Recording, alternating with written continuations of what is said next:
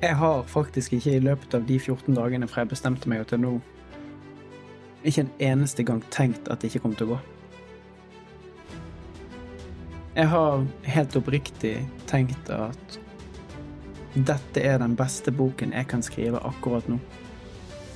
Hvis den beste boken jeg kan skrive akkurat nå, er en treer på terningen, så er det for meg mye bedre å skrive den første boken som er en treer på terningen, og ha skrevet den første boken, enn å sitte og vente på at jeg skal bli god nok til å skrive en sekser.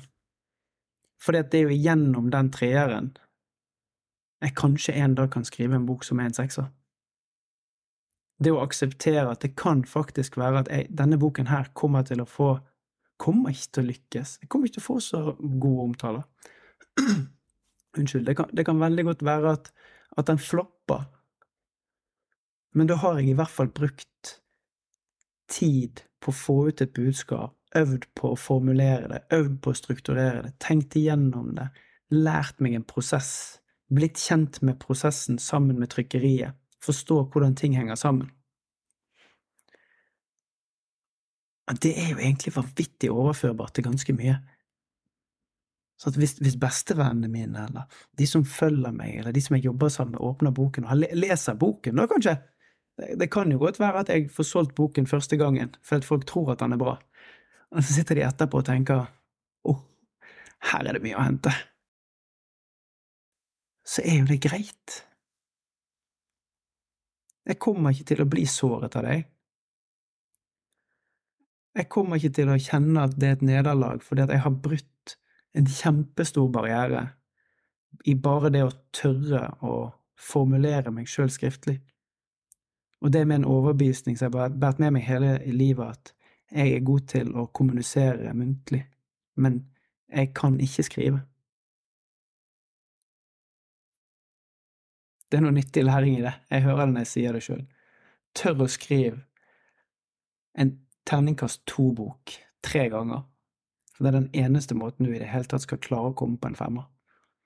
Ja, men Grunnen til at jeg liker det, da, det er jo det at det, det er mange som har lyst til å skrive noe. Men det å bare begynne å skrive eh, Hvis du har lyst til å bli god på noe, begynn å trene. Altså, mm.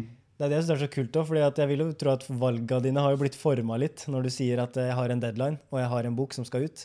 Yes. Den skal inneholde det og det og det. Altså, Hva gjør det med valgene dine her og nå? Ja, det er jo litt kult, da. Fordi at jeg har jo når, når jeg bestemte meg, så var det 53 dager til deadline som jeg satte. Når jeg kommuniserte det ut, så var det 46 dager. Og jeg tror at det å skrive en bok helt ifra scratch på 46 dager er på grensen til galskap. Men det er riktig for meg. Det er riktig fordi at jeg må smi mens jernet er varmt. Når jeg kjenner på den enorme indre gløden og lysten til å skape noe som gjør at jeg prioriterer vekk ting og prioriterer å sette meg ned foran Mac-en ved alle ledige tidspunkt jeg har. Der jeg før kanskje bare satt på kjøkkenet og scrollet på telefonen eller leste i en bok, så går jeg nå ned på kontoret og setter meg, så finner jeg et avsnitt, og så tenker jeg dette avsnittet skal jeg gjøre litt bedre mens jeg er her i ti minutter. Den driven må jeg ta utbytte av. Istedenfor å si at jeg skal gjøre det på tre måneder, jeg skal gjøre det på seks måneder, jeg skal gjøre det om tolv måneder, så blir det å, å skape det her på et raskt tempo. Og så blir det å finne et trykkeri og en samarbeidspartner som, som tror på ideen, og som er fleksibel og dynamisk nok til å kunne tilpasse seg det. På en skala fra én til ti, hvor mye klarhet hadde du når du starta, og når du hadde de 53 dagene som det kommer til å ta, på deadline? Hvor mye hadde du klart? Ingenting. Det var, det var absolutt ingenting klart på det tidspunktet. Det var det tidspunktet der jeg bare skjønte at denne boken må ut nå. Uh, og så er jo det en del ting som som kommer inn i beslutningsøyeblikket veldig kjapt. August uh, i år har vært en rolig måned. Det er veldig mye tid til å gjøre internarbeid. Så det var en mulighet for å, å bruke tid på det. Så det skjønte jeg ganske kjapt at vanligvis utover høsten, når september, oktober og november begynner å gå, så øker det med foredrag, det øker med, med fasilitering. Det å være ute og hjelpe mennesker, å møte mennesker når jeg hjelper dem. Så det var jo å smi mens det gjennom, men, men sånn innsiktsmessig, prosessmessig, så var det på, på null. Jeg, jeg syns det er så fett òg, for det er sånn Hvis du ser verden for det, da. Jeg aner ikke hvordan jeg skal få det til. Jeg, jeg har ikke en dritt på plass men la meg se hva som er mulig hvis jeg prøver det.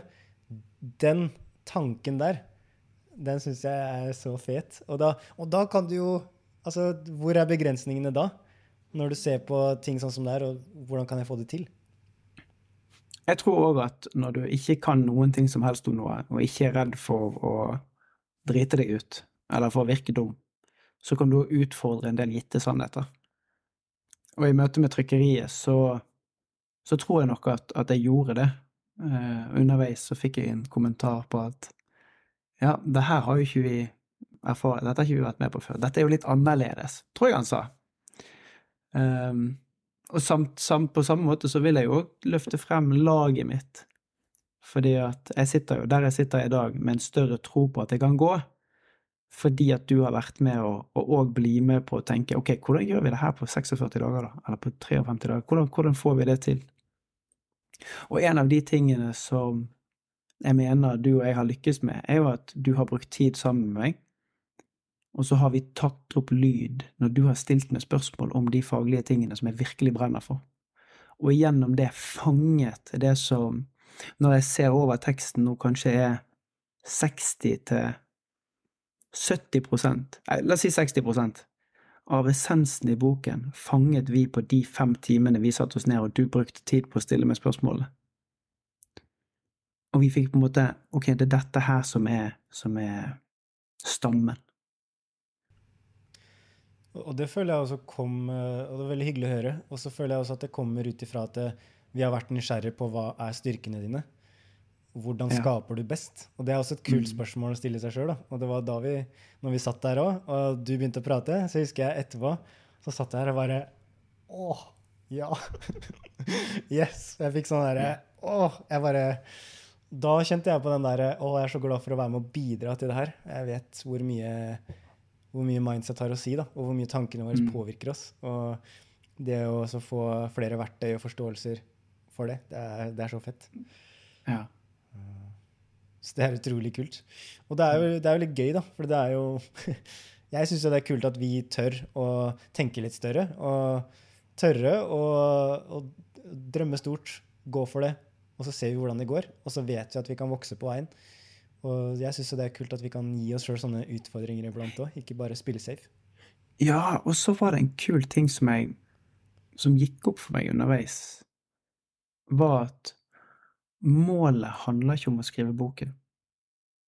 Målet handler ikke om å selge boken. Målet handler om den forskjellen det skal gjøre i det mennesket som plukker opp boken og leser den, og tar det med seg ut i sitt liv. Det er det som er målet. At flest mulig mennesker blir kjent med det som er innholdet, sånn at de kan ta det med inn i sitt liv og berike sitt liv. For absolutt alt det som står der, er direkte påvirkning på livet. Hvis ikke du gjør det fra før, det vil berike livet ditt. Hvis du gjør det fra før, så finnes det ting som du kan legge til som vil berike livet ditt. Og det er hele poenget. Og det mindset-skiftet, eller det perspektivendringen, er jo òg noe av det som jeg skriver om. Det å tørre å flytte Men handler dette her om å skrive boken? Nei, det gjør ikke det lenger. Det handler heller ikke om å oppnå antall salg av bøker. Men det handler om hvor mange er det som kan sitte med den boken i hånden og få utbytte av den. Hvordan kan jeg få budskapet enkelt nok frem, sånn at flest mulig forstår det, og sånn at det blir mulighet til å sette action bak det? På 46 dager. Åh, jeg gleder meg så vilt til det der, altså. Uh, er det noe du vil si helt til, til slutt? Nei, vet du hva. Tusen takk for at du tar deg tid til å lytte, og tusen takk for at du spør, Marius. til all den backingen som jeg får av deg. Det, jeg tror nok ikke jeg hadde sittet her uten. Tusen takk. Bare hyggelig. Nå må vi jobbe videre med boka, så vi må stikke. takk for at du så der eller lytta på. Vi snakkes. Snakkes. Rekker vi å lansere den boka her på 46 dager. Trykk deg inn på linken under her, som heter heartmentality.no slash mindsetbok, for å finne det ut.